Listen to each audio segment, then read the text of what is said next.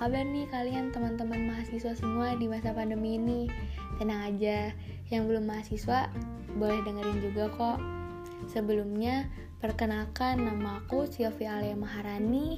Aku merupakan mahasiswa tingkat 2 di jurusan D4 Promosi Kesehatan Poltekkes Kemenkes Bandung.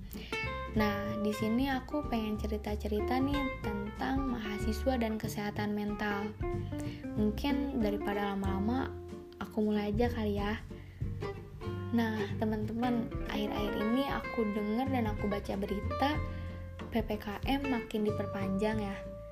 Bikin kita bingung gak sih kalau mau ke mana-mana?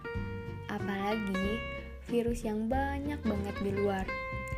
Kayak bikin kita boring gak sih? Keseharian kita cuma gitu-gitu doang, kayak kuliah, ngerjain tugas, atau barangkali kalian teman-teman semua ada yang ikut organisasi pasti sibuk banget ya banyak rapat-rapat dan juga pastinya sedikit waktu istirahat buat kita diri sendiri. Mana nih coba anak organisasi suaranya? Padahal di umur kita yang segini tuh biasanya kita banyak main sama teman kampus belajar bareng ngerjain tugas bareng jalan-jalan bareng tanpa dikhawatirkan dengan segala hal. Dan juga kita tuh banyak mengeksplor diri sendiri tentunya. Tapi kebetulan banget nih di usia kita yang segini kita dipaksa untuk berkembang di keadaan yang sulit. Kita dipaksakan untuk berkembang di keadaan yang sekiranya nggak memungkinkan. Ingat gak hampir satu setengah tahun kita berada di fase ini Aku kira kita dan semua manusia di dunia ini gak bisa tahan dengan keadaan hidup berdampingan dengan virus COVID-19 ini. Tapi sekarang aku lihat-lihat dengan akses bantuan pemerintah dan kecerdasan manusia hebat yang menciptakan vaksin, kita mulai bisa bangkit pelan-pelan dari keterpurukan pandemi ini. Nah, bicara masalah pandemi, tentunya kita sebagai mahasiswa terkena dampak juga nih, karena hmm, di masa pandemi ini mahasiswa bahkan pelajar sekalipun selalu merasa adanya kecemasan di dalam dirinya. Nah, mungkin um, karena memikirkan kayak tugas atau masalah lain yang di luar ruang lingkup kuliah atau pembelajaran, hmm, ada nggak nih yang ngerasa sama kayak aku?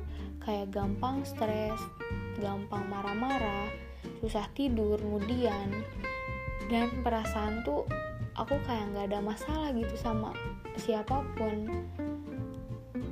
Tapi aku kayak selalu ngerasa gitu aja gitu kayak aneh aja gitu.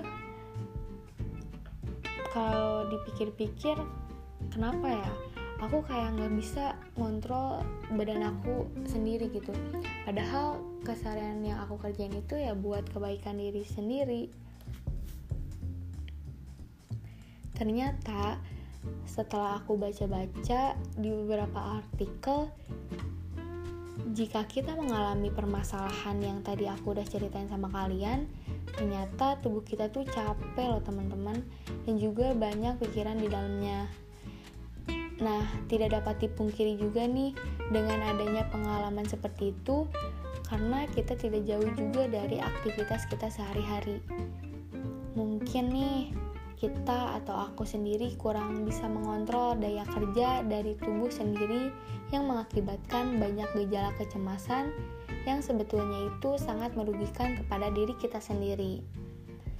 Aku pengen ngasih tahu nih di dalam permasalahan dengan kesehatan mental ini Tentunya ada beberapa faktor dong di dalamnya. Nah, yang pertama yaitu ada faktor genetik, yang kedua ada faktor pertemanan, yang ketiga ada faktor keluarga, yang keempat ada faktor dari gaya hidup, dan yang terakhir ada faktor sosial. Terkadang kita juga memiliki beban pikiran yang tidak berhenti di satu permasalahan saja. Ya nggak sih teman-teman? Orang lain mungkin melihat kita stres atau kurang istirahat itu karena hanya tentang permasalahan kuliah atau pembelajaran saja gitu. Tetapi kita juga yang merasakan permasalahan dari luar perkuliahan seperti mungkin masalah keluarga dan juga masalah pertemanan gitu. Hah, ternyata capek ya teman-teman jadi orang dewasa. Kayaknya banyak banget masalah yang harus diselesaikan sama diri sendiri tapi tenang aku yakin kok antara aku antara kamu dan kita semua yang lagi banyak permasalahan bisa selesai secepatnya. Amin ya rabbal amin. Nah, dengan keadaan seperti itu, tentunya akan menjadi permasalahan yang besar dong sebagai kita mahasiswa yang seharusnya kita tuh terfokus terhadap pendidikan yang sedang dijalani. Nah, pertanyaannya sekarang adalah apakah kita akan merasakan keadaan ini bisa lebih menjadi lebih baik? Nah, aku jawab Tentunya bisa ya teman-teman. Tenang teman-teman, jangan menyerah dulu. Nah, di sini aku ingin sharing sedikit nih menurut literatur yang aku baca tentang bagaimana caranya menghadapi keadaan yang sudah kita ceritakan tadi di atas. Nah, cara yang paling mudah nih yang dilakukan untuk menjaga kesehatan mental adalah yang pertama ada dekat dengan spiritual.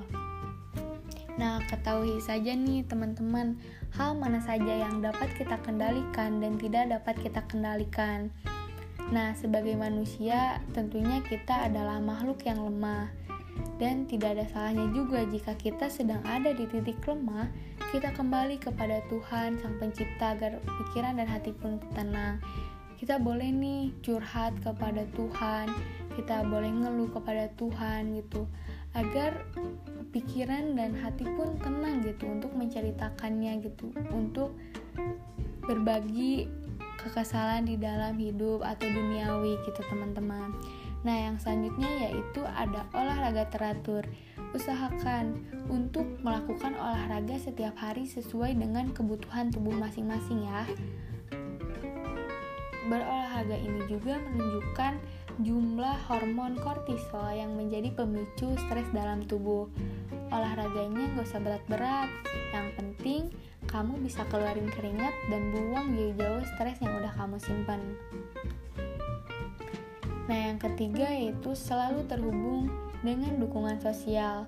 Nah, setiap kali kamu ada masalah atau nggak ada masalah pun, kamu wajib banget harus tetap rutin untuk sekedar mengobrol dengan keluarga ataupun teman dengan sedikitnya menceritakan keseharian kamu aku yakin beban kamu nggak akan terlalu berat